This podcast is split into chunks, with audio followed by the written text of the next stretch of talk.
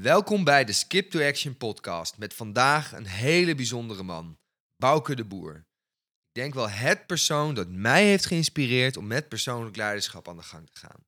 Ik durf zelfs wel te stellen dat deze man mij heeft leren huilen. Wie hij precies is en wat hij doet, gaan we het uitgebreid over hebben in deze podcast.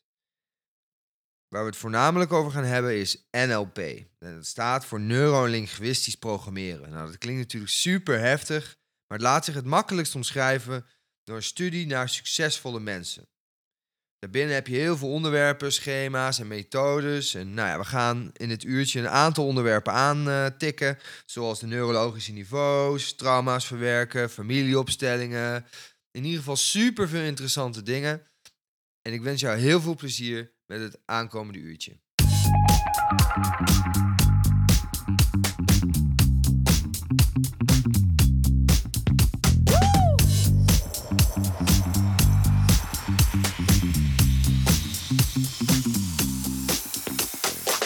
Hey Bouke.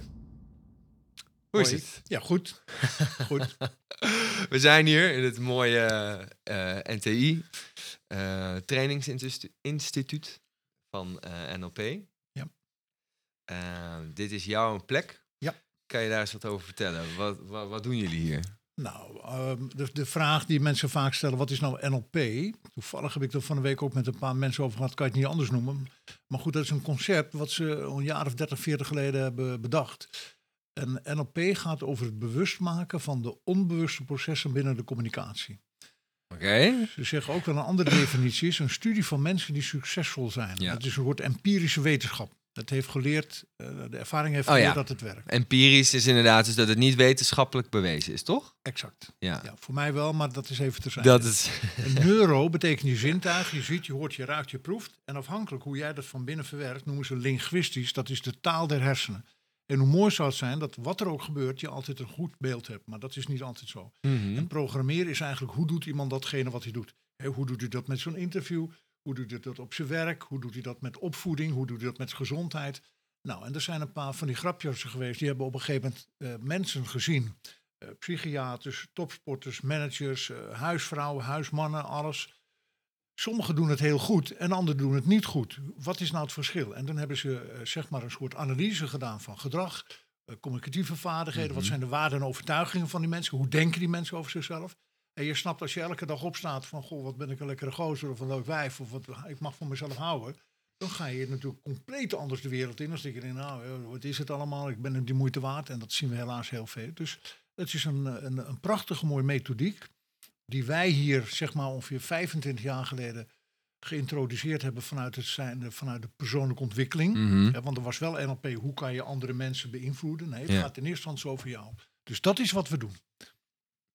En hoe doen jullie dat dan? Want dus je gaat mensen helpen met het herprogrammeren van hun. Ja, dat vind ik Hersenen. niet zo'n lekker woord. Klinkt het dan? Is Ja, dat, is dat dat, ik- dan wat jullie doen? Ja, ik vind het een beetje een klote woord. Laat ik het maar heel eerlijk zeggen. Daarom ik denk ik ze- Nee, nee, een beetje ik- een ik- rotvraag. Ik, ik heb wel een hele mooie, mooie metafoor. Ik heb eh, vijf jaar lang, toevallig moet ik vandaag weer naar Papendal. Mhm. Ben ik vijf jaar lang heb ik met Gerard Nijboer eh, loopweekenden gedaan. En op een gegeven moment kon ik een keer niet. En zegt hij, ja, maar jij bent de enige die het kan. Dat, dat, dat, dat. Nou, oké, ik heb het omgezet. Mijn ego werd nog pittig gestreeld. En toen ik laatst met NLP begon, nou, dan ga ik een paar termen noemen. En die ga ik allemaal niet uitleggen. Toen kwam ik tot een denk, ah, maar nu snap ik het. Ik gebruik multimodelpatroon, ik gebruik metafoor, ik gebruik herkade, ik gebruik upsync, ik heb nooit van gehoord. Dus NLP geeft jou gewoon inzicht. Hoe werkt het in de communicatie? En dan Ja. gaan heel veel mensen, jij ook hè. Als jij de practitioneropleiding gaat doen, ga je tot de ontdekking komen dat je bewust wordt van heel veel dingen die je ongelooflijk goed doet. Nou, als je dat in de gaten hebt, kan je er nog meer mee doen. In mijn persoonlijke situatie Ja, werd ik ook heel vaak geconfronteerd met dingen die ik totaal niet goed deed. En dan reikt het gewoon een nieuwe keuze aan. En jij bepaalt of je dat wilt. Ja, dat is ook wel mooi. Ik denk ook dat het voor ehm, best wel veel mensen nog eh, best lastig is om te zeggen waar ze goed in zijn. Want dat gaat toch vanzelf. Hè? Die doet toch van, ja, dat doet toch iedereen. Dat is toch helemaal geen probleem. Eh, maar dat door juist dat te begrijpen waar je goed in bent, eh, dat wel heel waardevol voor jezelf is. Ja, nu wordt het nog leuker. Vanmorgen had ik een gesprek met een meneer die hier nu in het traject zit. En die zegt vanmorgen, ja, dan moet ik kijken, wat doe ik goed? Maar dat weet ik niet. Maar mijn vrouw weet het wel. Maar daar zitten ook overtuigingen achter. Wij hebben zoveel Nederlandse overtuiging, doe maar gewoon, doe je gek genoeg weer ben je dat je met je kop op maaiveld aan. Dat vind ik allemaal zo'n onzin. Ja, dus het is jammer dat je niet gewoon naar jezelf kan kijken en dat je, dat je gewoon kan zeggen wat je goed in bent, maar dat je ook durft te zeggen waar je niet goed in bent. Dus er zit heel veel niet-functionele overtuigingen. Nou, daar geeft NLP ook inzicht Ja. in. En als je dan vraagt hoe doen we dat hier, eh, op allerlei verschillende manieren. Er is een heel traject dat mensen NLP kunnen doen. Een basisopleiding, volgopleiding, trainingsopleiding, coachopleiding, net wat mensen willen. Eh, ik ben nu ook al twintig jaar met, eh met familie-organisatieopstelling bezig. Dat noemen ze systemisch werk. Hè, dat je kijkt, wat voor invloed heeft mijn systeem van herkomst op mij? Nou, daar heb ik natuurlijk zelf al de, de pittige ervaring met een vader die je gewoon een slag over je hartjes gaf. Eh, ja. Van mannen houden niet. doen Maar, nou, dat heeft heel veel invloed op mij gehad. ja. En leuk om zo nog even naar terug te gaan. ja, en daarnaast doe ik ook nog even, of doen we ook hier, en dat doe ik ook al twintig jaar, dat noemen we dan nu netjes self-connection. Maar dat, is- dat noemen we eigenlijk traumawerk. Hmm. Nou, dat is ook een heel verhaal erachter. Dus dat doen we door middel van opleiding. Maar ik doe ook heel veel lezingen, eh, heel veel persoonlijke coaching, eh, maar specifieke training, paardentraining, nou, noem maar op. Ja. Alle- allemaal, alles eh, kan gedaan worden. Voor persoonlijk leiderschap. Ja. Mooi. Ja. Nou, wat, wat wel leuk is denk ik om te vertellen, wat de mensen niet weten, is dat we eigenlijk deze podcast al eerder hebben gedaan. Dat klopt. Dat is wel, eh, ik denk, ik gooi er meteen in. Dus eh, eh, dat is ook wel, wel leuk om te vertellen. Hè? Soms, we, zaten ook nog in de auto en daar zeiden we al van ja, soms moeten dingen zo zijn zoals het is. Dus in mijn geval, ik kon natuurlijk heel erg boos op mezelf zijn. En oh, ik, ik heb die podcast gewist en er stond zo'n mooi gesprek. Maar nu heb ik, ik kan het natuurlijk ook ombuigen. Door te zeggen van nou, eh, nou mag ik gewoon weer met Bouke om tafel. En gaan we Precies. gewoon weer een, ja, ja, een, ja. een uurtje lullen. Eh, dus is dat een beetje ook, ook, ook wat je bedoelt eh, met, met, met herprogrammeren? Of nou, niet herprogrammeren, maar her, herframen. Dus anders framen en... Ja, laten we vooropstellen, alles, alles waar we het over hebben, dat is natuurlijk een bepaalde visie of een uitgangspunt. En wie Mhm. zegt dat het wel of niet klopt? Maar ik geloof steeds meer met in contact komen met wat er in deze wereld gebeurt, dat alles gaat zoals het moet gaan. Want anders zou het wel anders zijn gegaan. En dat is niet om het makkelijker te maken, maar ik, ik geloof er ook steeds meer in. Alles gaat zoals het moet gaan, anders zou het anders zijn gegaan. En ik heb je in de auto ook verteld. Ik ben zeer onder de indruk geweest ook van het boek van Edith Eveger. Die heeft jaren in het eh, concentratiekamp gezeten in Auschwitz. Nou ja, Die heeft heel lang met schuld gelopen toen ze daar kwam. Eh, dat eh, de, de desbetreffende Duitser vroeg, is dat je moeder of is dat je zuster? Nee, ze is mijn moeder. Nou, die moest meteen rechtstreeks naar de, naar de gaskamer. Zij kon dansen, dat heeft haar doen overleven daar. En zij zegt heel mooi, we zijn allemaal slachtoffer van situaties. Eh, dat kan zijn met ouders, eh, met ongeluk, eh, nou, met vroege dood. Bijvoorbeeld zo'n podcast die eh, uitgewist wordt. Daar zit je niet op te het is wel een wachten. heftig contrast. En dan noem ik een slachtoffer dan een beetje groot, tussen aanhalingstekens. Maar ze zegt hoor, heel mooi, slachtoffer zijn is optioneel. Ja. En dat is waar NLP ongelooflijk mee bezig is. Van, eh, zit je voor in de bus of zit je achter in de bus? Hè? Zo noemen we dat een metafoor. Jij hebt de Ja. keuze, ga je achter het stuur zitten, bepaal jij wat er gebeurt. Of zit je achter in de bus en laat maar gebeuren wat er, wat er moet gebeuren. En, en ook vanmiddag heb ik dan een, een lezing. En ik zit nog steeds heel veel in de topsportbegeleiding.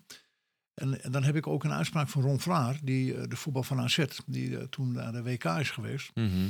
En die zegt ook heel mooi: Ik ben eh, de buschauffeur van mijn carrière. Ik ben de buschauffeur van mijn eh, bus, van mijn carrière. En ik bepaal hoe ik met dingen omga. En ik heb nu ook, ik begeleid nog een ander speler van het Nederlands elftal, die het ook het liefst wil dat iedereen dat weet. Dat is Stefan de Vrij. En die zegt ook een heel mooi filmpje toen ik vroeg: Wat heb je nou vooral geleerd? Ik heb vooral geleerd eh, de bewustwording van onbewuste processen. Maar wat Mhm. me heel veel gedaan heeft, dat ik altijd zelf de stuur in handen kan nemen. Ja. Nou, en dat is bepaald. En dat wil niet zeggen dat het altijd leuk en aardig of vriendelijk of wat dan ook is. Want dat is ook de wetende liefde. Maar dat is wel wat, wat de NLP mij ook heel veel Ja. heeft eh, gegeven. Maar dat is toch, nou ja, om dan maar weer even concreet te maken, eh, als ik het al, we hadden we het ook over. Ik heb dus gisteren mijn, alles gebeurd zoals het zou moeten gebeuren. En nu heb ik gisteren tijdens het kickboksen mijn, eh, nou, eh, volgens mij mijn teen gebroken. Nou, dat, dat heeft natuurlijk totaal geen functie in mijn hoofd. Eh, en volgende week heb ik wintersportvakantie, dus ik zit nu al, oh mijn god, hoe ga ik nou snowboarden? En dan is het natuurlijk wel heel lastig om te om laat maar zeggen te zeggen van ja, oké, eh, dit is zo en eh, of daar, daar zit een reden achter of dit, hoor, dit had zo moeten zijn. Dan denk ik van ja, wat is nou de functie van zo, Ja. zoiets doms? Ja, dat Of is dat ik zit daar toch wel wat in de nuance. in de Eh, er nuance? zijn mensen die verklaren meteen, dan kan je een dik boek ter hand nemen. Wat is het als die teen gebroken is met allemaal spirituele verklaringen? nou, daar sta ik ook niet afwijzend tegenover. Maar soms heb je ook gewoon, eh, sorry dat ik het hier hardop zeg, kut met peer, is het gewoon pech. Domme Ja. pech. Wat ik wel mooi vind, en dat is heel, heel specifiek. Als, als, er, als er een wens is die ik heel veel mensen geef, wat er ook op je pad komt, zegt in eerste instantie ja. Ja, ik heb meteen gebroken. Ja, ik moet op de windsport. Ja, ik vind het niet leuk. En wat doen heel veel mensen? Ah, dan ben ik meteen gebroken, dan moet ik op de windsport. En je voelt Ja. al energetisch nu het verschil, als ik het zeg, dat heel veel mensen gaan constant in die innerlijke strijd. Ik ga veel en veel en veel verder. Ik ben er absoluut van overtuigd. Nou, Als je ook naar het communicatiemodel van NLP kijkt, dan heeft ook je gedachtepatroon en je stemming heeft invloed op je Mhm. fysiologie. Maar fysiologie is niet alleen houding en gebaar, ook de biochemische processen. Ik ben Die moet je even uitleggen. Biochemische ja, processen? nou, maar dat ga ik zo uitleggen. Maar ik noem het nog even de biochemische processen. Dat het heeft zoveel invloed op alle celletjes die we in ons lijf Mm. hebben. En het is heel simpel. Als je de godsganse dag zegt, ik ben niet de moeite waard, zal wel niet lukken, bap, dan gaan die processen in je lijf ook zo werken. En dat heeft een heel andere uitwerking als je denkt, ja maar wacht even, het kan toch anders? Oh ja, het is zo, ik ben er niet blij mee. Dus het is zo'n simpel verschil. En ik ben ervan overtuigd dat we onbewust zo heel veel onze eigen ziekte creëren. Ja. Ja, los van voeding en andere dingen en zo. Eh, Dus ja, ja het, is, het is jammer, ja. Ja, Ik moest eigenlijk wel glimlachen toen je belde. Ja, reis geweest. Oké, ja. Nou, oké. Maar Wat gaan we doen? Dan gaan we nog een keer. Ja. Wanneer maken we een nieuwe afspraak? Ja. Ja. Zo doen we dat. Ja, dat is wel heel mooi. Ehm, en ik denk dat het ook wel leuk is om nog een stapje terug te gaan. Eh, want je hebt natuurlijk de NLP, eh, jullie doen dat hier nu. Wij bestaan Aantal nu, eh, jaren? januari 26 jaar. Vorig jaar hadden we 26 25 jaar. jubileum. Nou, ik kan me voorstellen, 26 jaar geleden was dit helemaal van, huh, waar, waar, waar zijn jullie mee bezig? Eh, want jij hebt dit, eh, ik vind dat dat wel een mooi verhaal. Wij kennen elkaar natuurlijk al, al een tijdje van de opleiding. En eh, daar hielp je me altijd met de studenten om daar eh, leuke sessies te organiseren, ook over persoonlijk leiderschap. En dan vertelde je altijd een mooi verhaal van hoe je nou eh, met NLP in aanraking bent gekomen. En hoe je dat eigenlijk mee hebt genomen hier naartoe. En dat vind ik altijd wel heel leuk om op in te zoomen. Ja, dat is, Want- dat is eh, kijk, Wat is jouw proces geweest? Ja, ja. toeval. Wat is toeval? Ik zit al vanaf mijn twintig in de topsportbegeleiding.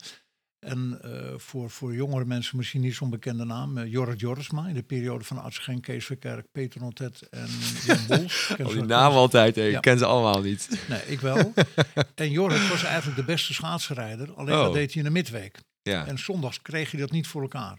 En dat was dus de spanning die hij had. En toen zei hij, ja, je moet afstand nemen. Mhm. Had geen idee hoe wat. Nou, met Jorrit heb ik eh, als fysiotherapeut bij Jong Oranje gezeten, bij de sprintploeg. En Jorrit kwam toen in contact met NLP. En dat was echt voor zijn eigen proces. En die werd zo enthousiast. Het is ook een echte Fries. En als we dan eh, dat met elkaar te pakken hebben, dan gaan we meteen tot in de hoogste bomen. Mhm. En die vond het ook wat voor mij en voor mijn vrouw. Ik denk, nou, ik denk het niet, hè. Ik communiceer voortreffelijk, dus die flauwekul heb ik niet nodig. en Jorrit heeft toen, eh, twee mensen wilde hij er graag bij hebben. Toen heeft hij mij en mijn vrouw gratis uitgenodigd, om dan een nog wat grotere groep te hebben. Zo ik ga alsjeblieft niks, mee. Ja, niks. zo. Ik denk, nou ja, weet je, het kan me geen bal vallen. Het komt ook na. Ik heb geen ik- kandidaten, kan ik vrijmaken.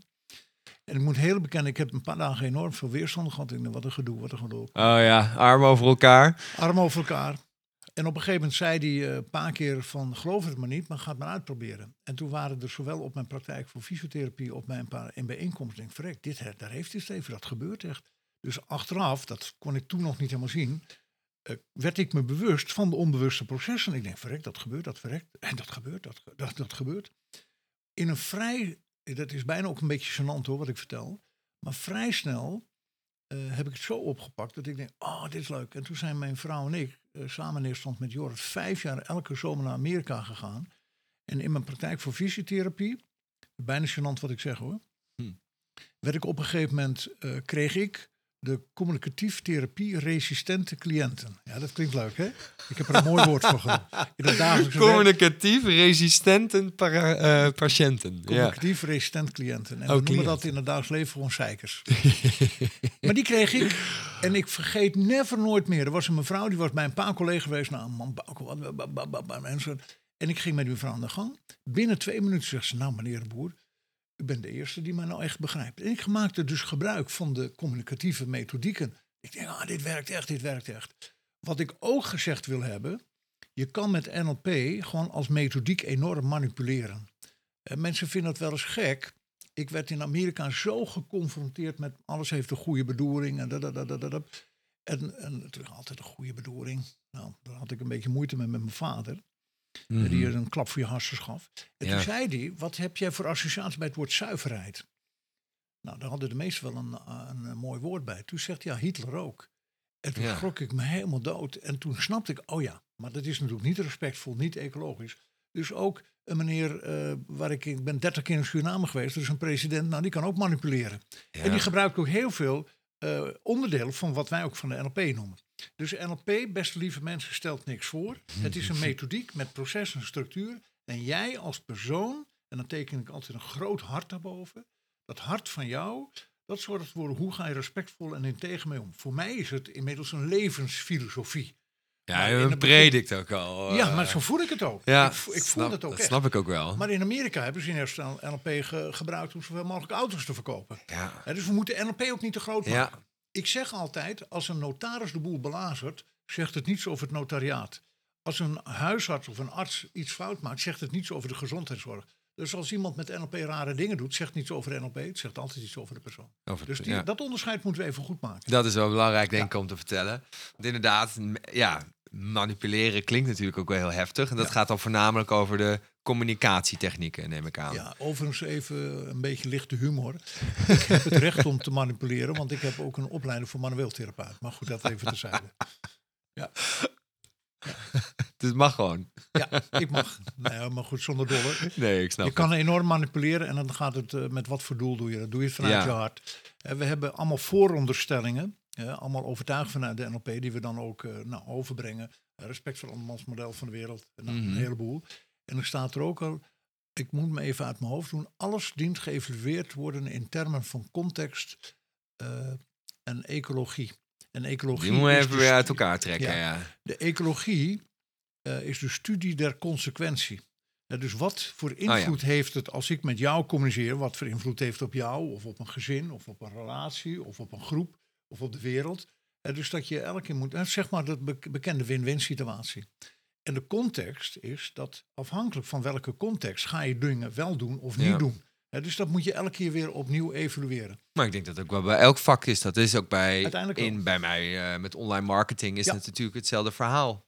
Je kan wel marketing inzetten, maar is dat ecologisch verantwoord? Ja, dat ben ik helemaal met je eens. En hier ben je zo specifiek met mensen bezig, Mhm. met, met de kwetsbaarheid, hartenergie, dat ik vind dat je hier nog alerter op moet zijn. Maar je, Kan je hebt gelijk, in principe zou het mooi Toch? zijn. Bij, bij heel veel beroepen denk ik wel dat daar eh, Ja. eh, Nee wel, wel wat in zit. Nee Eh. Oké, want wij hebben natuurlijk, dat vond ik altijd heel mooi. We deden altijd zo'n driedaagse. En dan gingen we bezig met, met communicatietechnieken. Ehm, we gingen daarna bezig met, met zingeving en met familieopstellingen. Nou, of systemisch werken. Je tikte hem net al even aan. Ja. Ehm, is dat bij NLP, laat maar zeggen, moet, moet ik dan al die stappen doorlopen? Of, of wat, wat, hoe, ja, hoe, hoe, hoe ga je hiermee aan de gang eigenlijk? Weet je wat ik altijd de grootste uitdaging vind? Nou, Als ik een gesprek met iemand heb, wat zou ik hem of haar adviseren? Wat bij hem of haar het beste bij hem of haar past? Met dien verstand dat het zo min mogelijk geld kost. Hm. Dus de meeste Ja. mensen zou ik adviseren om NLP te doen. Ik doe ook vaak dat in een persoonlijk gesprek, of mensen voelen dat zelf aan. Maar er zijn ook hier mensen die komen, ik zeg, je moet helemaal geen NLP doen. Dat heb je al zo in je systeem. Jij hebt niet zoveel te besteden. Ik zou je adviseren om eh, met systeems werk te beginnen.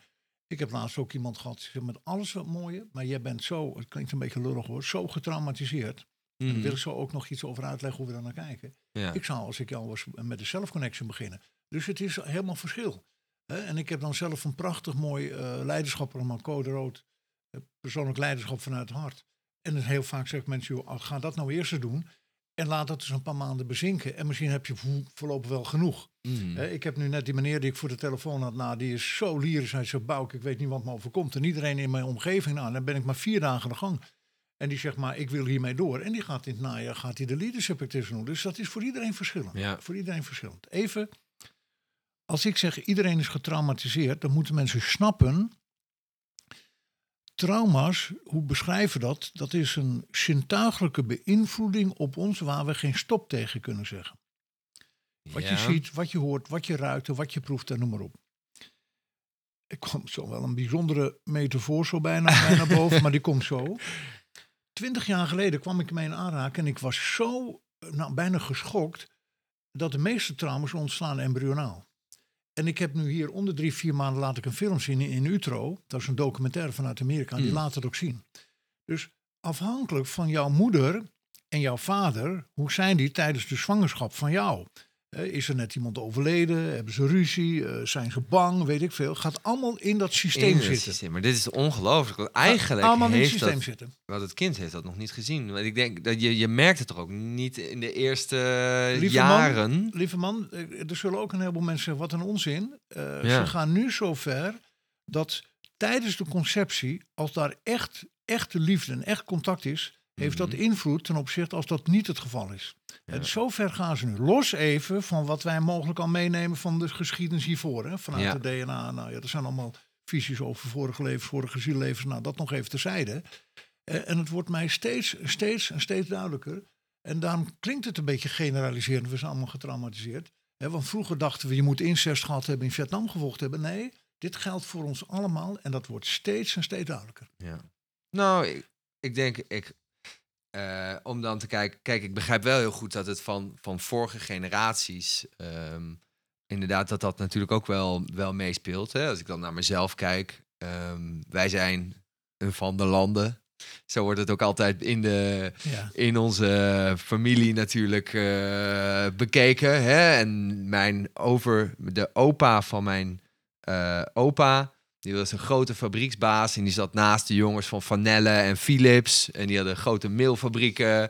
En dat zie je ook aan mijn opa, een echte ondernemer. Nou, Rara was mijn vader, een echte ondernemer. En daar hebben we er nog vier Ja. van in de familie zitten, met grote bedrijven. ja, mooi. Eh, en eh, Rara, wat ben ik nu weer aan het doen? Ondernemer zijn. Ja, ondernemer zijn, inderdaad. Ja. Kijk, en dit vind ik En, eh, persoonlijk, los van dat het soms ook... Eigenlijk heel logisch. Ja, maar ook wel positief. Ja. En nou noem je het positief. Ja. Maar er zijn ook heel veel mensen, dat is niet zo leuk, hè, dat er constant zelfmoord is, of scheiding, Ja. of depressiviteit. Och, ja. Mijn vrouw Geen emoties. is nu zeer, zeer intensief bezig om een boek te schrijven. Oh, wat fijn. En het boek heet. Blij, maar het is helemaal geen leuk boek. Oh. Het boek gaat over hoe je van, van verdriet eh, toch nog weer vreugde kan maken. Hmm. En dat er hoop is in deze wereld. Zij is eh, slachtoffer van het feit dat zij eh 8, 9 is, dat haar oudste broer overlijdt. Zo. Mijn vader heeft geen plek kunnen geven. Doreen is ingestapt, is nooit meer kind geweest. En daarom zie ik ook achteraf, oh ja, ik ben een paar jaar ouder dan dat Doreen is. En die heeft Ja. een zeer, zeer ernstig eh, verleden met anorexia en bulimia. Ja. Wat daar echt met dat systeem te maken heeft. Nou, als ze dat niet doorbreekt, dan heeft het ook invloed op de kinderen. Ben jij vanuit een vader of een moeder die vroeg zijn overleden? Ik ben zes jaar zi- voorzitter geweest van Stichting Jonge Weduwe. Mhm. Wat een impact op gezinnen. Nou, en dat neem je mee. Ja. Dus, en dan kan het een positief effect hebben, maar heel vaak heeft het een negatief effect. Nou, en familieopstelling, systemisch werk, geeft heel veel inzicht in, de, in de, de genogram, in de structuur wat daar is gebeurd. En in plaats van dat je enorm in je hoofd zit, kan je door middel van opstellingen heel veel inzicht te krijgen. En ik zeg het altijd, opstellingen geeft geen oplossing, het geeft richting. ja. Het geeft richting wat je Om- te doen. Ja, inderdaad. Om, om nog een beetje een beter beeld te vormen, wat we dan, eh, hoe ik het heb ervaren, is inderdaad dat we met een groep zijn en dat je één persoon even uitvraagt van oké, hoe is de situatie en even wat informatie vergaart, zodat je een beetje een beeld hebt. En dan laat je die persoon verschillende personen uit eh, de situatie opstellen. Dus je, kiest bijvoorbeeld eh, iemand die representeert dan een vader, die representeert dan een moeder, maar iemand kan ook ehm, opstellen als het probleem, toch? Of als de, Jij de niet zo of, eh, of als de kracht die je vooruit werkt. Dat vond ik wel heel je, mooi. je hoofd, je hart. Alles kan, kan, kan verbeeld worden. En dan zie je heel mooi op een moment dat bijvoorbeeld, nou, scheiding vind ik dan heel duidelijk, eh, want het woord zegt het al. De moeder kijkt bijvoorbeeld naar links, die wordt dan naar links opgesteld. En de vader naar rechts. Met de ruggen tegen elkaar kijken ze de andere kant op. Ja. En dan met het kind in het midden. En dat Ja. is dan vaak degene die de opstelling doet. En dan wordt het heel duidelijk Exact. Dan zie je gewoon, wauw, dit, ja weet je wel, dit- hier kan nooit een verbinding zijn. Dit is, dit, dit, dit is onmogelijk. Ja. En wat jij dan doet, is het weer, eigenlijk weer een beetje helpen van hoe het zou moeten zijn. Nou ja, pas op, je kan het nooit meer mooi maken. Nee, hè, want het is al- Geven, inzicht geven, Rek, Dit ga je nooit meer veranderen. Dus Ja. wat heb jij te doen? En dan kom ik weer terug bij eh Edith. Mhm. Wat heb jij te doen met waar je slachtoffer van bent om dat te gaan veranderen? Ja. Ik vergeet nooit meer, dat vergeet ik echt nooit meer, eh, dat ik daar bij jullie in Leeuwarden een opstelling deed. En omdat je dat dan, al- althans vanuit mijn situatie, Mhm. heel lang doet. Dus op een gegeven moment heb je zoveel vragen, ga je ook heel veel voelen. En ik doe toen, ik weet ook nog in welke zaal, een opstelling met een jonge dame. En toen zit ze naast me. Ik zeg, mag ik echt alles zeggen? Ik zeg, want ik voel een impuls omhoog komen die ik eigenlijk niet zo leuk vind. Ja. En toen heb ik gezegd, ik voel het woord schizofrenie. En ze schrikt zich dood. En de representant van haar moeder, die zegt, dat kan niet, dat kan niet. Hoe kan die man dat weten? Het bleek de vader schizofreen te zijn. Maar dat zie je vaak uit een opstelling. ja. geeft het heel veel informatie. Eh, dus eh, nogmaals, het geeft geen oplossing, het geeft richting. Mhm. En het, ik zou je vertellen... En nou, heel confronterend ook, denk zeer ik. confronterend. En zo is Ja. ook mijn eerste opstelling geweest. Zo, Eh, ja. Met alle NLP die ik had, dacht ik, nou... Deed ik Ik eerst ga het wel even doen, ja. Ik stond boven op mijn vader en moeder en toen dacht ik... "Ah, ik wil ze redden, ik wil ze opvoeden, ik wil de rechter zijn en noem maar op. Dus het geeft heel veel inzicht Ja. waar, je, waar je mooi ding mee kan doen. Ik ben er super, super, super enthousiast. Ja, ik ben ook wel. Ik vind het heel bijzonder Ja. dat, je dat, eh, dat je dat kan en durft. Ja. Eigenlijk ook. Want je kan natuurlijk ook wel iemand. Je moet natuurlijk wel. Iemand die heeft opeens dat inzicht. Nou, super confronterend. Maar dan, weet je wel. Dan. Eh, eh, je zegt iets heel moois. Wij kunnen zowel Ja. met NLP als met systeemwerk, maar ook met traumwerk, kunnen mensen ook gehertraumatiseerd worden. En ik sluit niet uit dat ik in het begin van mijn carrière soms wel eens iets te enthousiast geweest ben.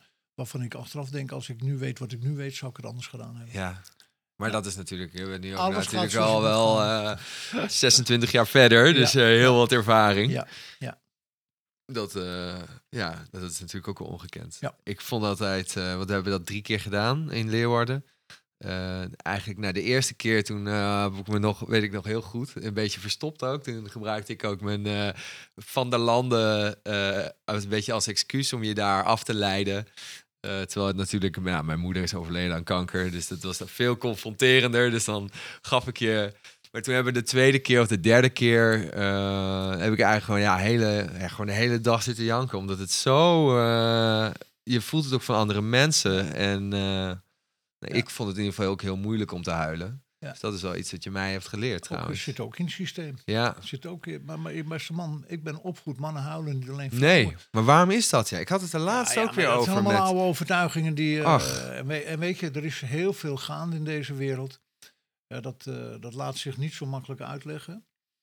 Maar er is een. eh, sommige mensen noemen het. We gaan van polariteitsdenken naar eenheidsbewustzijn. Je me weer andere- even uitleggen? Anderen zeggen van oude en nieuwe energie. Ik, ik heb hier. Oh, ik heb hieronder. heb ik een, dat is een standaard, het boekje. Dat gebruik ik van, van Eckhart Tolle. En dat is echt heel mooi om voor te lezen. Eh, dat dat eh, ga, ik vanmiddag ook bij die inleiding of bij die, eh, bij die lezing Hmm. zeggen. En hij zegt heel mooi. De transformatie van het menselijk bewustzijn is niet meer zo gezegd een luxe die alleen maar weggelegd is voor een paar afzonderlijke mensen, maar een harde noodzaak als de mensheid zichzelf niet wil vernietigen. Op dit moment zijn de verkeerde werking van de oude bewustzijn en de opkomst van nieuwe allebei aan het versnellen. Vreemd genoeg worden de dingen er tegelijk slechter en beter op, al valt het slechter meer op omdat het zoveel lawaai maakt. Wat bedoelen we daarmee? Dat de oude energie is heel oordeel, veroordeel, volgde zo moet het. Heel veel angst en Mhm. schaamte en babababababab. Nou, met allemaal oude overtuigingen. En de nieuwe energie, hè, ik, ik heb over een eh, dikke week een training met Pamela Kribbe. En die heeft al boeken geschreven in 2002. En die schrijft hier al over. Nou, dat had ik ook wel wat eerder willen weten. Dat gaat over openheid en transparantie. Alles mag er zijn. En Ja. ze zeggen ook, er zullen straks geen geheimen meer zijn. Nou, dat lees je bijna elke dag in de krant. Wikileaks, MeToo, burgemeesters, wethouders die dingen gedaan hebben, niet meer kunnen doen. Tja. Politici, eh, wat denk je, Ja. sporters, sporters die eh, doping hebben gebruikt. Gisteren stond weer een krant wat er in de sportwereld gebeurt over eh, grensoverschrijdend problematiek. Alles gaat bovenkomen. Ja, En dat zelfs, zelfs van, van, van vroeger, hè? Of dat ze dan die bombardementen van die Nederlanders, ook in zo'n wijk, op zo'n bommenfabriek in Irak, en dan noemen ze dat nevenschade. Exact. Alles gaat Hoe kan je dat zeggen ook, ja? Ja. Maar dit, dat komt dan toch wel weer aan het licht. En dat gaat wel over iets van vier jaar geleden. En wa- wat ook mooi is bij dit nieuwe energieveld, dat we allemaal, allemaal echt onze eigen verantwoordelijkheid nemen. We moeten niet meer afschuiven, ja, mijn vader, mijn moeder. Nee, Wat heb jij te doen? Wat heb jij te doen? Ik, ik, steeds meer zeg ik ook van jongens, Ja. eh, wijs met die duim naar jezelf. Wat heb jij te doen? In plaats van bam, bam, bam. En dat is een eh, enorme verandering die nu plaatsvindt. Ja. En in dat, die transitie hebben wij in het instituut ook gehad. En met een, met een heel verhaal. En eh, dat brengen we ook naar buiten met een nieuwtijdstraining. Nou, en wij houden het niet meer tegen. Ik, ik Gelukkig vertel- maar. Ja, ik vertelde in de auto, dus er is een prachtig mooi foto met een tekst van Obama. Over hij, eh, wat hij zegt over twee jaar zijn allemaal vrouwen. eh, da, da, da, da. Hm. En dat heb ik ook gedeeld, want ik roep al twintig jaar. Mijn grote wens is dat veel vrouwen minister-president worden. En op hoge posities komen. Het zegt het vrouwelijke kan de wereld helen. De mannen, sorry dat ik keihard zeg, die maken een klootjeshooi van. Muren bouwen tussen landen, brexit. Als je kijkt naar het Oh. principe van brexit, hè. En we gaan terug naar 1945, 1940, 45. Mhm. Wat is daar het grootste ellende geweest? Uitsluiting van mensen. Ja. En brexit is weer uitsluiting. Het is een herhaling van de geschiedenis. Daar ligt nooit de oplossing. Uitsluiting is never, nooit de Nee. oplossing. Als jij, wat je zegt over je moeder. Ik wil er niks mee te maken hebben. Ja, dat is helemaal gebeurd. Ik wil er niks mee te maken. Dan sla ik een deel van je geschiedenis uit. dat Ja, kan dat, dat kan je niet. eh, Dat kan je niet. Moet eh, in je hart te sluiten. ja, niet dat het leuk zeker, is. zeker. Nou, wat ik deed was gewoon jou een beetje eh, op afstand houden. Want ik is had geen zin om, eh, Nee, om, om eh, emoties te voelen, Nee, weet je wel. dat, is mijn En proces dat kan geweest. dus niet meer. Nee.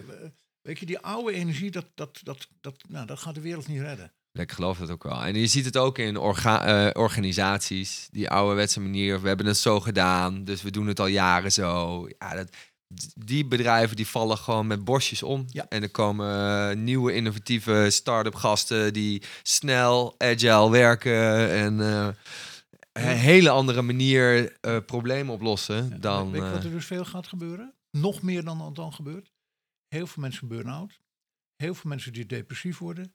Heel veel mensen die besluiten over te gaan. Ik vind het... eh, Over te het- ja, gaan? over te gaan, ja. Zelfdoding. oh. Dat vind ik wat vriendelijker dan eh, zelfmoord. Dat vind ik geen Ja. mooie opmerking. Nee. En eh, nog heel veel scheidingen. Dat heeft te maken met die oude en de nieuwe energie. Dat ze zijn steeds meer, die gaan naar de vrouwelijke ontwikkeling. Mm. Mannen moeten ook veel meer naar het vrouwelijke deel. En als we dat niet doen en we blijven in het oude, ja, dan gaat het schaam. En, en, en veel vrouwen zeggen, ja, maar ik pik dit niet meer. Ik, ik ga dit niet meer nemen. Ja, want maar heel die... veel mensen eh, kunnen het niet nemen en die gaan de weg naar binnen maken. En depressiviteit. Dus er gaat nog veel gebeuren. Ja, van maar in je hoofd blijven bedoel je dan. En dan wordt dat het steeds eh, heftiger. Ja. In ieder geval zo'n niet-functionele overtuiging. Lekker Exact. malen, We kunnen het s'avonds niet meer laat. Ik, eh, Ja. ik kan hier uren vertellen wat ik alleen maar de laatste dagen, weken meemaak van waar dit gebeurt. Mensen die al 10, 15 jaar in een relatie zitten, dat ze helemaal niet tevreden zijn, maar niet de durf hebben om te beslissen. Ja, en op een gegeven moment houdt het op. Ja, ja maar dat, gaat, niet. dat zijpelt natuurlijk ook in alles door. Ik vond het ook, misschien is dat ook wel een heel mooi bruggetje naar eh, wat we ook deden in die andere dag. Inderdaad, met zingeving. En daar had je zo'n hele mooie trap gemaakt. Ik weet ze even niet meer allemaal uit mijn hoofd, maar ja, je zit natuurlijk eh, in, Neuroloogniveaus, in- ja, inderdaad, eh, de omgeving, inderdaad, omge ja. Eh, weet je het nog? ja, Heb je een certificaat gekregen? Ja, heb ik zo'n Heb je certificaat? echt inra- inwisselen? Kom op. Eh, moeten we teruggeven? ja, ja, ja. Nee, ja, inderdaad. eh, omgeving, Gedrag, gedrag. vaardigheden, dan praten we over communicatieve vaardigheden. Ja. En ik zeg ook altijd, als ik mensen begeleid, ik begeleid een paar voetballers. Ja, die begeleid ik echt niet op niveau van vaardigheden. Nee, voetballen kunnen ze wel. Vaardigheden, precies. Maar dan ga je dan, dan naar boven de waardeovertuiging. Want Mhm. daar zit de grootste nou, uitdaging voor mensen. Ja, En dan op een niveau van identiteit, hoe denk je over jezelf? En dan kom je daarboven en dan zit je bij ja, je missie, je doel. Ik Ja. noem het de redenen van bestaan. En Nietzsche, de oude filosoof, of oude, hij is, eh, ik weet niet of hij ooit oud, hoe oud hij precies geworden is, maar vanuit de geschiedenis. Die heeft een Mhm. heel mooi zinnetje. Als je een waarom hebt in je leven, is bijna elke hoe te verdragen. Nou, en als ik dan, als jij mij zou vragen, en dat doe je nu, wat is mijn waarom? Dan zeg ik, dan zeg ik vreugde ervaren, mijn licht te laten schijnen en mensen te ondersteunen om wakker te worden. En dan voel ik dat ik de, elke dag ben ik daarmee bezig. En dat, nou, ik, ik, ik, ik heb het in de auto ook gezegd. Ik Ja. ben nu 71, maar ik ben bijna elke dag verrast over mijn energie. Ik voel me bijna jeugdig opgewonden. Ja, zo dit- leuk waar ik mee bezig ben. Zo mooi om te doen. als ik dat ook zie, dat, dat, dat geeft me ook echt zo'n prettig vooruitzicht. Want Ja. sommige, als je sommige mensen, die zie je inderdaad wel 50, 60. Nou, dat hadden we het vorige keer ook al over. Ik hoef geen Ja. namen te noemen, maar die zijn echt al aan het aftakelen. En ook bezig met Hè, die hebben dan, hun bedrijf is dan failliet gegaan, net voor de, A- voor de WW. Dus een heel lastige periode. En hoe, hè, en, maar dat is de schuld van de overheid en de migranten. En daarom zit ik de hele dag achter de televisie sport te kijken. En ik heb geen zin meer om naar buiten te gaan. Want, eh, eh. maar zo'n persoon wordt zo bitter eigenlijk. En zo snel. Ja. Eh, en als ik dat dan zie, in ieder geval, jij bent dan elf jaar ouder, weet je wel. En als je dat nou naast elkaar zou zetten, eh, ja, heb ik ook het idee dat wij eh, eigenlijk dezelfde energie hebben. Ja, ja, dat is heel gek. Dat, Dat- dat zeg ik ook vaak Ja. tegen mensen. Ik heb het idee dat we even oud zijn. Dat is natuurlijk niet zo. Maar dat heeft met het energieveld te maken. En heel veel mensen zijn aan het sterven. Ja, Maar, maar, die hebben geen toch- waarom. Ja, en oh ja, nou, om nog weer terug te gaan naar dat mooie trappetje. Want dat vond ik altijd een hele mooie les die jij mij eh, daar hebt geleerd. Is dat je kan wel in je vaardigheden iets veranderen. En dan zou dat kunnen dat je daar iets mee verandert. Maar als ik hoger op die ladder iets verander, dan weet je zeker dat je naar beneden toe 100%. eh, dingen Dat meepakt. Nou, maar dat vond ik ijzersterk. Ja, maar er zijn Dat ook een aantal dingen die... Oh, nou, eh, certificaat mag je misschien... ja, toch wel. Als je, dat is heel mooi. Als Ja. je van beneden wat verandert, dan kan er wat veranderen. Ja. Verander je van boven, zal er wat veranderen. En de metafoor is, als je een organisatie hebt, bijvoorbeeld met een paar honderd man. Hè, en de, de toiletjuffrouw die zegt, ja, ik ga toch eh, de rollen veranderen of ik doe dat. Ja, dan zal dat weinig invloed hebben. Maar als de hoogste directeur een beslissing neemt moeten veranderen, dan zal het door de hele Ja, organisatie we heen. gaan het roer omdoen. Bam. Exact. En dan, Exact. eh, En dan ben jij. Ik, ik, ik heb vanmorgen vond ik het nog zo mooi, dat telefoongesprek wat ik had voordat we begonnen. Die man heeft dan eh, de traincode rood persoonlijk leiderschap vanuit hart gedaan. En die man is zo enthousiast. En toen zegt hij, ja, maar ik heb begrepen dat ik het zelf doe. Ik zeg, ja, dat klopt. Ik zeg, maar Bart, je weet ook, als je loopt te kloten, doe je het ook zelf. Ja, ja, ja, ja, ja. En dat moeten mensen begrijpen. ja. Stoppen met klagen. Ja. Stoppen met klagen. Ja. Heel veel Ga er mensen klagen. doen. Heel veel mensen klagen. En daar ligt nooit de oplossing. Dat neemt niet weg dat, je- dat je het best vervelend mag vinden. Nou, dan kom Ja. je bij ja. Dan mag je over de ja, kut Ja, dat meteen ja, eh, het gebroken is. Maar ja. daar ligt niet de oplossing. Nee. Waar ligt dan de oplossing? Eh, altijd in jezelf. nemen. Altijd Ja. in jezelf. En, en eh, mensen zeggen wel eens van, goh, eh, hoe kan ik nou dingen veranderen?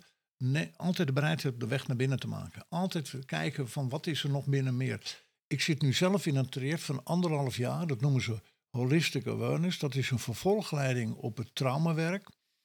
En wat, wat wel mooi is, dat die kreet moet ook even nog even... Ja, we hebben nog niet genoeg kreten. Nee, dat, dat is dat alles, alles, alles, maar dan ook echt alles, alles, alles is projectie. En wat bedoel ik daarmee? Ja, wat bedoel je daarmee?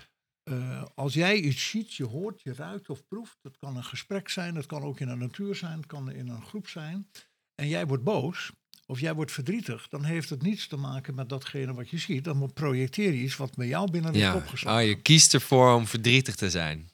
Ja, niet bewust, maar onbewust. Maar projectie, eh, dat wil dus zeggen dat Eckhart Tolle zegt heel mooi: we hebben allemaal pijnlichamen. En die pijnlichamen kunnen getriggerd worden. Nou, dat kan te maken hebben dat er in de baarmoeder wat gebeurd is. Kan in je jeugd zijn, dat kan gisteren zijn, wat je, Mhm. waar je door getriggerd wordt. Maar heel veel mensen zeggen, ja, maar jij maakt me boos. Jij maakt me niet. Nee, nee, dat is iets wat je zelf doet. Waarbij je soms ook het, terecht dat je boos bent of Mhm. verdrietig, dat is helemaal geen punt. Maar het gaat nog veel en veel en veel verder. Als mensen dat begrijpen, als mensen echt zouden begrijpen dat alles projecties hebben een compleet andere wereld. Hebben Ja. een compleet andere wereld. Hebben een compleet andere wereld. Ja. Hoe, zou dat er dan uitzien? Omdat iedereen... Zijn eigen verantwoordelijkheid. Ja, neemt. en veel meer kijkt, wat verantwoordelijkheid kan ik doen? Ja. Ik, ik zeg niet dat het klopt. Maar ik heb wel de neiging te zeggen dat het wel klopt. ik kan dus mij niet meer voorstellen boos word. Ik kan me niet meer voorstellen verdrietig word in die zin. eh, kijk, als mijn, eh, mijn vrouw of dan ben ik verdrietig. Dan is het een primair gevoel. Dat, dat kan niet genoeg. Dankbaarheid is een primair gevoel. Mhm. Of metagevoel is prachtig. Dankbaarheid, wijsheid. Maar secundair dat ik ergens boos over word, wat dan ook. Ik ja, heb heel- jaloezie is misschien, vind ik ook zo'n... ik heb eh, verbazing. Ik heb heel veel ja, verbazing gevonden. Hè, doen mensen dat zo? Ja. En dat heb ik in het verleden anders gehad hoor. Want ik kon heel goed oordelen, veroordelen. nou ja. Zo, zij zit er net als God. ja, oude lijf. Ja, En dat ben ik echt, Ah, dat ben ik echt ja. kwijt. Dat ben ik echt ja kwijt. dat is wel, dat is wel kwijt. mooi. Ik, heb ook geen niet gauw met oordeel, veroordeel. En soms denk ik wel, hè, hoe doet iemand dat nou? Oké, is niet aan mij. Krachtig. Ik denk ook wel, ehm, dat is misschien ook iets wat ik wel mee heb gepakt van, eh, van ik heb best wel veel geleerd eh, in die in drie jaar. Ja, jij bent nu een Eh, certificaat. ja, nou ja, ik weet niet eens of ik wel een Ah. certificaat heb. Of ja, aan het einde krijg je zo'n papiertje. Ik weet Ja, niet eens ja, meer. ja. Maar ehm, inderdaad, het, als je dan op een moment dat je jaloezie ervaart, dat je denkt, huh, hè, nadenken, niet, niet gaan handelen van, oké, eh, eh, eh, hè, mijn vriendinnetje, wat ben je aan het doen, joh, kom, gaan naar huis, of ik wil niet meer. Maar nadenken van, huh, ik ervaar nu dit gevoel, hoe kan dat? Nou, dat is, dat is projectie. En beste man, stel dat je vriendin in doet, doet in het kader van jaloezie. Dan wil Ja. niet zeggen dat je het allemaal leuk vindt wat ze doet. Dan moet je het daar wel over hebben. Hmm. Want je mag er wel wat van vinden. Ja. Dat is wat anders. Hè. Dat, je mag ook op een gegeven moment ergens iets van vinden dat iemand hartstikke gekke dingen doet. Maar op het moment als je oordeel veroordeel hebt, dan is het wel een ander verhaal. Ik wil toch nog even, nog, nog even terug. Eh, dat projectie, dat laat zich niet zo makkelijk uitleggen. Want ik eh, ben al 25 jaar bezig en bij NLP noemen we het percepties projectie.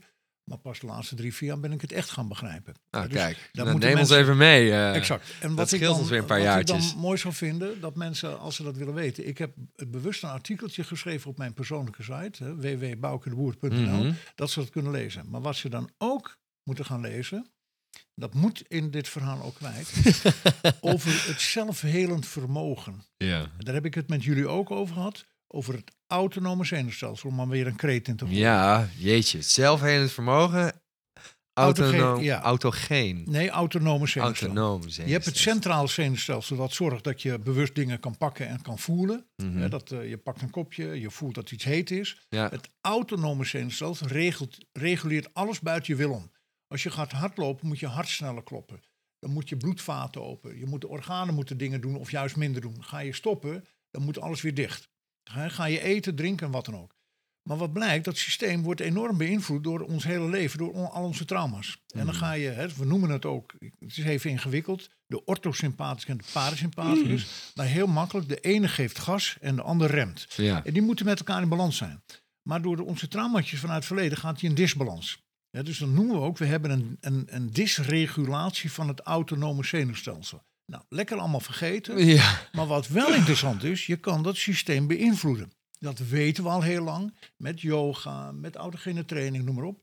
Maar wat ik nu sinds vier à vijf jaar doe, is dat ik de principes van Wim Hof, de Iceman-methode, Oh ja. ben gaan introduceren voor mezelf.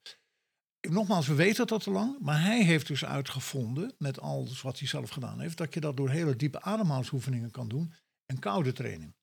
Dus ik doe dat. Hè. Vanmorgen zat ik samen om zeven uur met mijn vrouw aan de zee. We gaan vier, vijf keer in de week naar de zee voor de koude training. Ik doe regelmatig ademhalingsoefeningen. Ja. Morgen ga ik zelf naar Amsterdam om het bij iemand zelf weer eens te doen, want ik geef het heel veel. Wij zijn verzuurd. Daarom zijn er zoveel mensen die klachten hebben. En door enorme diepe ademhalingsoefeningen Mhm. ga je een andere balans krijgen tussen je zuurstof en je koolzuur. Ja. Wij hebben ook niet de juiste optimale circulatie. We zitten wel in de sportschool onze spieren te versterken. Maar we hebben 125 kilometer bloedvaten. En die kan je met koude training, maar kan je ook met koud douchen. Ik draag nooit meer een jas. Dus dat we zorgen dat we minder verzuurd zijn. Ja. Veel minder ontstekingen, veel minder ziekte. En natuurlijk snap je, als je 20 koppen koffie op een dag drinkt en je, je Ja, krijg je hard falen. er zijn Ja. meer dingen die je hebt te doen. Maar dit geeft zoveel. En ik ben er absoluut van overtuigd dat mijn vitaliteit eh, daar onder andere mee te maken Ja. heeft. Dus ik wil dat ook in deze En nog bijeenkomst even- in ieder geval gezegd hebben. Ja. Ja, Dus dat is ook wel heel, heel leuk. Zelfhelend vermogen. Want ik hoorde het laatst ook wel inderdaad. eh, starten met bijvoorbeeld eh, heel zuur, eh, citroen eh, drinken 's ochtends. Ja. Of inderdaad Ja. eh, kou. Ja. Maar ook pittig eten, toch? Ja. Dat is ook een, eh, een vorm, waar een soort van gezonde stress op je lichaam. Ja. Ja. Ja, ik vind het nog eh, wel lastig hoor. Dat is ook zo'n Ja. ding wat ik in mijn lijstje heb staan met doelen die ik wel zou willen. Kijk, Maar nog niet helemaal eh, heb gecommitteerd. Maar Bouk heeft het slim gedaan. Bouk heeft slim gedaan. Die is getrouwd met een vrouw. Die is gezondheidscoach. Die Ah. heeft met haar anorexia bulimie verhaal is ze altijd met gezondheid bezig. Ik heb er ook wel eens jaren geleden nog beticht van orthorexia. Dat is weer zo'n eh, De andere kant op. diagnose- Diagnose vanuit Amerika. Die mensen zijn de godsganse bezig op een redelijk verantwoorde wijze met een lijf. Met Oh, je een beetje fit girl-achtig. nou, dat is Ja. dus niet meer zo erg, maar zij is altijd bezig. Eh, als de tandarts mij vraagt wat voor tand, tandpasta gebruik ik, zeg nou dat zal een macrobioloog dynamisch uh, verantwoord zijn. dus zo krijgen we ook te eten en dat vind ik heel mooi. En ik, ik volg dat braaf en wij, wij, ik doe al twintig jaar ook dat ik uh, supplementen heb. Ik ga elk half, half jaar naar een bioresonantietherapeut en die meet dan het hele systeem door. Hè, omdat we toch steeds meer zien dat alle voeding geeft niet wat je nodig hebt. Ja. Dus je kan er veel aan doen zelfhelend vermogen, maar het is allemaal je eigen verantwoordelijkheid. Dan moet je weer zelf... Uh... Oude energie, ja. de oude energie, zeg maar derde dimensie, polariteitsdenken. Hoe krijgen we de patiënt niet zieker? Voordat je het weet heb je een soortje medicijn in mik. Ja. En wij moeten veel meer kijken, wat kan je zelf doen of wat kan een arts doen hè, om iemand in zijn kracht te kan laten komen. Er is nu een huisarts die werkt totaal zonder medicijnen. En dat vind ik een hele mooie ontwikkeling. Ja, ja sowieso geloof ik ook wel heel erg in... Uh, voorkomen is beter dan genezen. Of je hoeft ook niet ziek te zijn om beter te worden. Het zijn van die mooie one-liners. Maar ehm, daar zit wel echt een kern van waarheid in. En ook zeker, het is ook heel logisch dat als je een hele ongezonde levensstijl hebt, je op een gegeven moment uh, een operatie moet in je knie.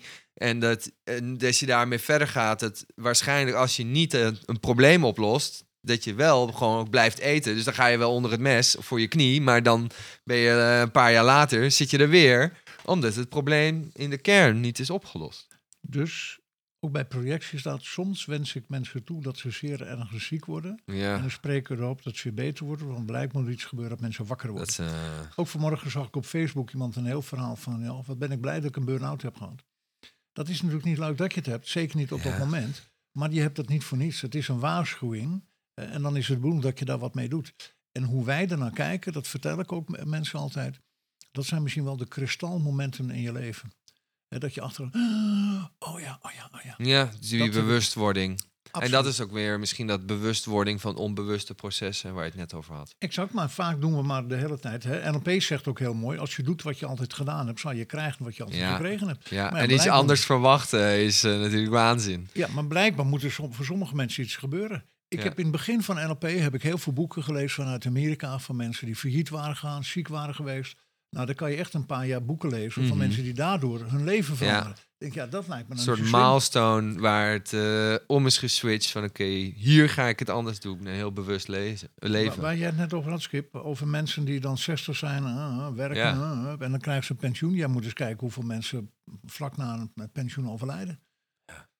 Ja, die hebben nooit gedaan wat ze willen. Ja, dat is een kansloze missie. Kansloze missie. Ja. Dan kan je een paar maanden volhouden. Nou, je zit zelf ook in een situatie dat je voelt van... nou, is dit wel wat ik wil?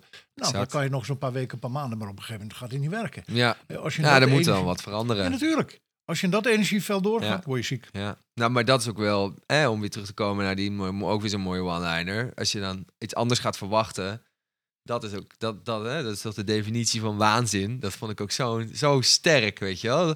Want er kan dan ook niet iets anders gebeuren. Uh, met een burn-out trouwens, dat vind ik altijd nog wel lastig. Want het lijkt me wel dat je altijd een beetje op je hoede bent dan of zo.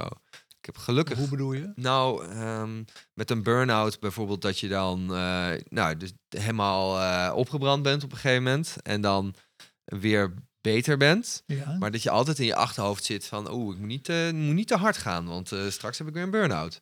Weet je wel? Dus dat je ja, dat zijn zo... geen functionele overtuigingen. Ja. Ah. Ja, dan moet, je, dan moet je op een dieper laag kijken. En, en weet je wat ik wel goed vind om ook even te zeggen in dit gesprek? Nou. Dat uh, de, de burn-out is veel meer dan vroeger. Dat heeft natuurlijk te maken met de ontwikkeling in deze maatschappij. Mm maar ik, ik spot er wel eens een beetje mee met mijn verbondenheid met, uh, met Suriname. Uh, waardoor ik altijd naar uh, dat deel van de wereld ben gaan waar boslandcreolen verder moeten zien om te overleven. Mm Dat ik wel eens zeg van, goh, volgens mij kan ik ook verder zien. Want ik roep namelijk ook al twintig jaar, het universum is niet in staat om zichzelf te helen. Het universum gaat straks zorgen voor heel veel andere mensen die heel anders in het leven staan. Nou, en dat is bijvoorbeeld hoogsensitieve personen, hooggevoelige personen, eh, kinderen met spirituele ontwikkeling, nieuwe tijdskinderen, indigo-kinderen, kinderen, ga ze maar opnoemen. En er zijn heel veel nu jongere mensen mhm. die dat hebben en vaak niet weten, waardoor de belasting die ze nu hebben veel meer op, zich, op hun afkomt als dat dat misschien 20, 30 jaar geleden zou zijn. Dus er zijn heel veel mensen die zijn er ook vatbaarder voor. Ja, snap ik wel. Ik heb- heel veel stress ervaren van iets wat misschien Exact. nog wel Ik heb vorige maand een opstelling gedaan met een jonge dame. Ik dacht, nou, je bent 5, 26, ik bleek 34 te zijn. En toen zeg ik, wie is de persoon die wanneer tegen jou heeft gezegd dat je hooggevoelig bent? Had ze nog nooit van gehoord. Nou, ze had het uitgevonden. Ja. Vind je het gek dat mensen dan, oh, alles komt af. En wat mensen dus tegenwoordig steeds meer doen, is eh, destructief dat een plek te willen geven. oh. Door eh, wat eh, middelen te nemen om niet in contact te komen met de realiteit. En dat Ja, kan zijn roken, dat kan zijn snuiven, dat kan zijn eh, drank, dat kan zijn seks, noem maar op. Ik geloof ook dat het, ik, wat, als ik dan in mijn omgeving kijk, is dat misschien nog wat minder. Maar ik denk wat heel veel mensen nu doen, is Netflix kijken. En, of gamen, of YouTube filmpjes kijken, of gewoon doelloos scrollen op social media. eh, om jezelf een beetje bezig te houden eh, van de realiteit. Maar dat kan ook een aanname zijn hoor. In ieder geval, dit was ook ooit was dit mijn overtuiging geweest waarin ik Skip to Action ook ben begonnen. Omdat ik dat zag. En mensen zeiden altijd, oh nee, ik ben zo druk. Ik ben zo druk. Maar hadden wel alle seizoenen gekeken van, eh, Ja, ja. van, van verschillende series. Dan denk ik van, ja, wat, hoe kan dat nou? Hoe, hoe, kan je nou druk hoe kan je nou zeggen dat je druk bent? Ja. Ehm, maar je doet, ja... eh, eh, Dus mensen moeten wakker worden. En als mensen dat nodig hebben, dan vind ik dat prima. Ik heb er ook geen oordeel over. Het is niet mijn Ja, leven. nou, ik heb toen ook besloten eh, om daarvan af te stappen. En niet die mensen te gaan beïnvloeden, maar me te gaan richten op de mensen die wel. En, en het zelf anders doen. Ja, En dus je bent zelf willen. een voorbeeldfunctie. En zo zie ik het voor mezelf ook. Mhm. Als, ik, als ik vier, vijf keer in de week in de zee ga. Ik moet zeggen, dit is nu het eerste jaar dat mijn vrouw ook in de winter meegaat. In de zomer deed ze het wel. En toen zei ik vanmorgen nog tegen dat dit helpt mij wel. Want ik heb echt wel momenten gehad, jee, daar ga ik weer. En Ja, als ik dan terug kan me was, wel was ik tevreden. voorstellen. Maar ik voel dat het los van eh, met wat ik heb meegemaakt, met mijn, eh, met mijn ziekte van wa- waar, de deskundigen zijn, dus reuma, bleek het Lyme te zijn. Eh, dat ik zoveel klachten heb gehad, hè, voel ik ook wel, ja maar wacht even, het heeft me heel veel geholpen. Mhm. Maar ik voel ook wel dat ik een voorbeeldfunctie heb. Ja. Als ik dit goed doe, en dat, dat heb jij ook, dat hebben we in principe allemaal. En hoe mooi zou het zijn dat Ja. we dat allemaal veel meer doen. Voorbeeldfunctie. Ja, hij is zo krachtig. Even, ja, om het wel weer. eh, eh, wat ik doe, dus ook een beetje, misschien ook een beetje zoals in het water. Dus ook een beetje een rare overtuiging misschien. Het is altijd het eerste werkende eh, week van het nieuwe jaar. Doe ik een helweek. En die helweek, dat is, eh, dan moet je dus de beste versie van jezelf zijn. Je hebt een aantal regels waar je aan moet houden. Vroeg opstaan, van vijf uur opstaan, eh tien uur naar bed. Oh ja. Allerbeste versie van jezelf. Elke dag sporten, heel gezond leven. Ehm, En doe je de eerste Maar- week. ja, dus dat is na de wintersport. nou, over, over drie weken moet ik weer. Dus ik heb het boek alweer, eh ben alweer begonnen met lezen. Ehm, oh ja? en, maar dat is ook een soort van reset.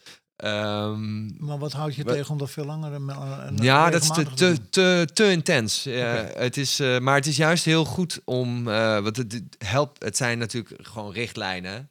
eh, waarin je gaat zeggen, je moet elke dag heeft ook een thema. Dus je gaat ook kijken naar je gewoontes. En als je als slechte gewoonte op hebt geschreven, de afwas niet doen. En dan staat er natuurlijk ook bij van die slechte gewoontes, ja, die moet je wel effectief weer oppakken. Dus die hele week ben je een soort van beste versie. Maar dan in die week heb ik ook elke keer weer, dan denk ik, wat ben je nou aan het doen? Ha, als je in vijfde dag bent of zo en je bent alleen, want je zit alleen maar in de trein als het ware. eh, en dan denk ik ook van, waarom doe ik dit eigenlijk, weet je wel? Maar ja, dan eh, hou ik me altijd vast aan wat dat boek heel mooi zegt. eh, van ja, je moet ook genieten van eh, weerstand. Dus dan ga ik daar maar op zitten van oké, dit moet nu even, dit moet nu even. En aan het einde kom ik daar weer helemaal twee keer zo sterk uit. Ja, ik voel me niet, ge- ik voel me niet geïnspireerd. Ja, niet geïnspireerd Nee, nee, voor de. Hellweek. Ja. Ik zal een linkje... Dat doe ik wel nog het hele jaar. Ah, nou ja, maar dat is te, dat is te intens hoor. Ja. Maar je, het is juist... eh, Nee, nee, maar ik bedoel, ik zeg niet op die manier. Oh, Maar gewoon het hele jaar aandacht besteden aan de gezondheid. Op een verantwoorde wijze. Eh, Slaap is ongelooflijk belangrijk. Slaap is heel erg belangrijk. Ik zit vier, vijf keer in de week een kwartiertje in de fitness, langer niet. Fietsen doe ik buiten wel, want ik doe geen cardiovasculair. Ik zit in de zee. We eten gezond. En wat misschien wat het meest belangrijk is, is dat je het eh, communicatief, mentaal, emotioneel, maar spiritueel ongelooflijk naar je zin hebt. En dat is, een, dat is misschien de beste voeding. Mijn vrouw die heeft een concept vanuit Amerika als gezondheidscoach. Daar praten ze over primary food en Mhm. secondary food.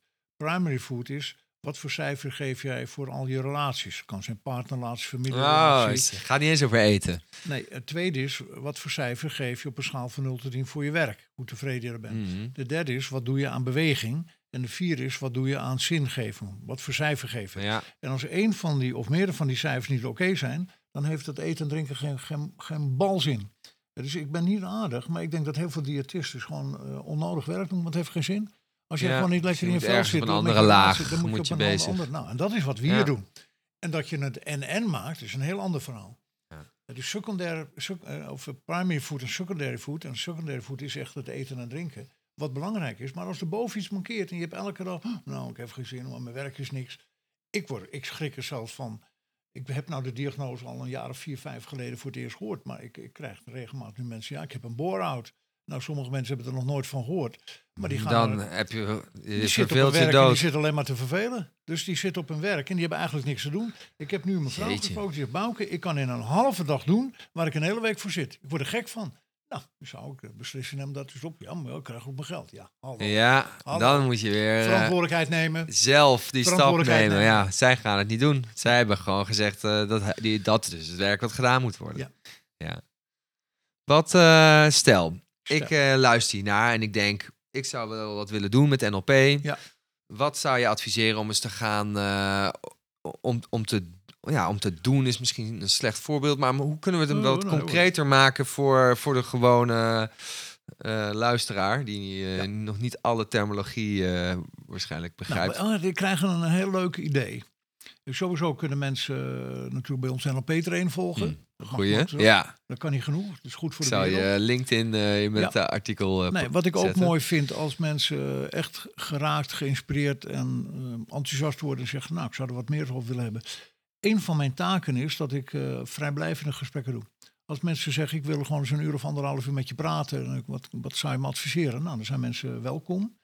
En wat misschien ook leuk is, dat als mensen dan luisteren en zeggen, ja, maar ik wil wat meer over NLP weten, dan sturen ze mij een mailtje met een naam en een adres en dan stuur ik eh, mijn boek op. Zo, mijn boek. Hey, dat was, ik zie namelijk dat boek liggen onder jouw, eh, jouw apparaat. de bijzondere reis van De een bijzondere prikkel. reis van een prikkel. En dan vind ik dat leuk. eh, dat als mensen zeggen, nou, daar wil ik meer over weten.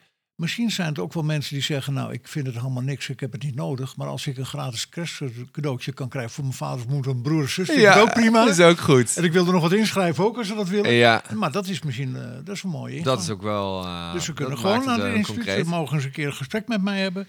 Eh, Oké, maar stel ik ben gewoon, eh, ik, ik, ik ben gewoon in de dagelijkse sleur, bezig met dingen, eh, ik doe mijn ding. Zijn er daar ook nog dingen die ik, wat, wat dingen kan doen om bijvoorbeeld wat bewuster te leven of om meer naar mezelf te keren of ehm, Ja, dat is, ja, tuurlijk, maar dat is wel makkelijk. Ja, de vraag is natuurlijk sowieso makkelijk. Ik wil er ook geen makkelijk antwoord op geven. Maar ik vertaal hem. Stel je, je speelt gitaar of je speelt Mhm. viool of eh, je zingt of je speelt tennis of je speelt eh, volleybal. En dan blijkt dat er iets is wat je niet goed doet. Een bepaalde techniek of een akkoord of een, met, met zingen. Dat je je mondhouding niet helemaal juist is. Daar moet ik niet te veel over zeggen, want daar heb ik geen verstand van. Of een techniek met tennis of de sport die je doet is niet goed. Dan heb je een, een coach die maakt jou bewust. Alles begint bij de bewustwording. Ik ben tot nu nog steeds diep geschokt dat ik toen met NLP aankwam. Hè, bestaat dit allemaal? Bestaat dit allemaal? Ik had er nog never, never nooit voor. ja, Dus het begint altijd met de bewustwording. En daarvoor heb je de stap, ben je gemotiveerd? Oh ja, zo ben ik nou helemaal zo lang geen zin hebben. Ja. wil je wel, ja. Het is, het is de motivatie. En dan is het jammer dat heel veel mensen eerst iets mee moeten maken voordat ze denken, shit, nou moet ik het maar doen. Ja. Ja, dus het begint bij de bewustwording. En dan, dat, dat is ook de reden dat, Dat ik zeg van nou, begin maar eens met een boek te lezen. Gewoon met een boek. boek te lezen. Als mensen mij zouden vragen, wat inspireert jou het meest in je leven? Is een van de dingen boeken lezen. Ja. Ik, ben, ik ben vaak in twee, drie boeken tegelijk. Ik heb nu een boek gekregen van Pamela Kribben. En zij heeft een boek geschreven, De Verboden Vrouw Spreekt. Ah, Met haar ga ik de, de mannentraining Ja, doen. het eh, over. over eh, een paar weken. En ze is nu bezig met een boek, De Verboden Man Spreekt. Maar zij heeft me nog een boek opgeschreven over Yeshua. En, eh, en dan, dan ben ik verbaasd. Dat zei ik net al, die vrouw die schrijft dingen. Ik denk, ah, waar haal je het vandaan? Maar die schrijft ook nu dingen waar wij hier het instituut aan alle kanten mee bezig zijn. mhm. Dus het is al zo lang bekend. Dus boeken kunnen mensen inspireren. Maar ik, ik, ik zeg nog een keer, die meneer die ik net voor de telefoon had, die zei, Bouke, ik ben zo enthousiast over trainen, noem maar op. Maar ja, ik schijn het zelf te doen. Ja, dat klopt. Maar als je loopt te kloten en te, te zeiken, dan doe je het ook zelf. Dus Ja. mensen moeten dus ook de verantwoordelijkheid gaan nemen. Ja. En dan moeten soms, nou, waar we het al een paar keer over gehad hebben, blijkt Nee. iets gebeuren. Ja, Lezen. dat is wel mooi. lezen. Nou, krachtig. Ik zal eh, een mooie... eh, nou, misschien kan ik het wel automatiseren. Dus dat mensen gewoon een mail kunnen invullen. En dat je dan een eh, geautomatiseerd... Dat, eh, is, eh, dat zijn de nerdjes van tegenwoordig. Dat, maar dat maak ik wel mooi. dat zet ik in. bij jou. Dat is goed. Ik zet het in het artikel. Ontzettend bedankt. Ja. Dat is wel een heel. nou, wat. wat, wat, Mag ik nog wat iets mooi. zeggen? Ja, dat mag. Nou, jij hebt het in het begin ook gezegd. we hebben dit zes, zeven, acht weken geleden ook gedaan. Hè, toen eh, is er iets niet goed gegaan met het wissen van, eh, van de schijf. Met het bewaren is iets niet Ik- goed gegaan. Ik vind het grappig, en dat, maar dat wist ik van tevoren ook wel. Ik merk geen enkel verschil in mijn shelletje, maar ik merkte bij jou ook niet dat het heeft wat invloed heeft gehad. We gaan gewoon weer eh, opnieuw lekker aan de gang en het komt vanuit ons hart, dus we hoeven niet ingewikkeld te doen. ja. En dat is ook de boodschap. We moeten veel meer vanuit het hart leven. Gewoon vanuit het hart. Vanuit ons, daar ligt de inspiratie. Dat neemt niet weg dat ik je persoonlijk zou adviseren om het nu wel zodanig te doen dat we het nog een keer hoeven. Nee, en als het zo uiteraard. is, alles gaat zoals het moet gaan. Anders zou het wel anders zijn gegaan. Och, dank je ja, wel. ja, zeker. leuk, Schip. ja, Dank je wel. jij bedankt, Bouke, Jij ook. voor je tijd. Ja.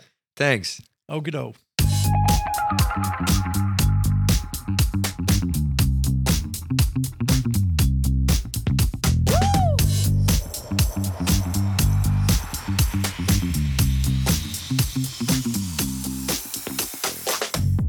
Super tof dat je hebt geluisterd naar de Skip to Action podcast. Ik hoop dat je er inzicht uit hebt kunnen halen. Vond je het nu een waardevolle podcast? Dan zou ik het ontzettend waarderen als je dat zou willen delen. Dit kan je bijvoorbeeld doen door je social media kanaal in te zetten, een screenshot te maken en mij te taggen. Wil je me echt helpen? Dan wil ik je vragen om een review achter te laten. Op iPhone is het redelijk simpel in de podcast app. Voor Android is dat wat lastiger, omdat je daar waarschijnlijk geen review kan maken. Dan kan je even googlen en dan kom je wel bij een dienst en daar kan je wel wat achterlaten. Ontzettend bedankt daarvoor alvast. Volgende maand ben ik er weer en dan hoop ik je weer te kunnen inspireren met een nieuwe aflevering van de Skip to Action podcast.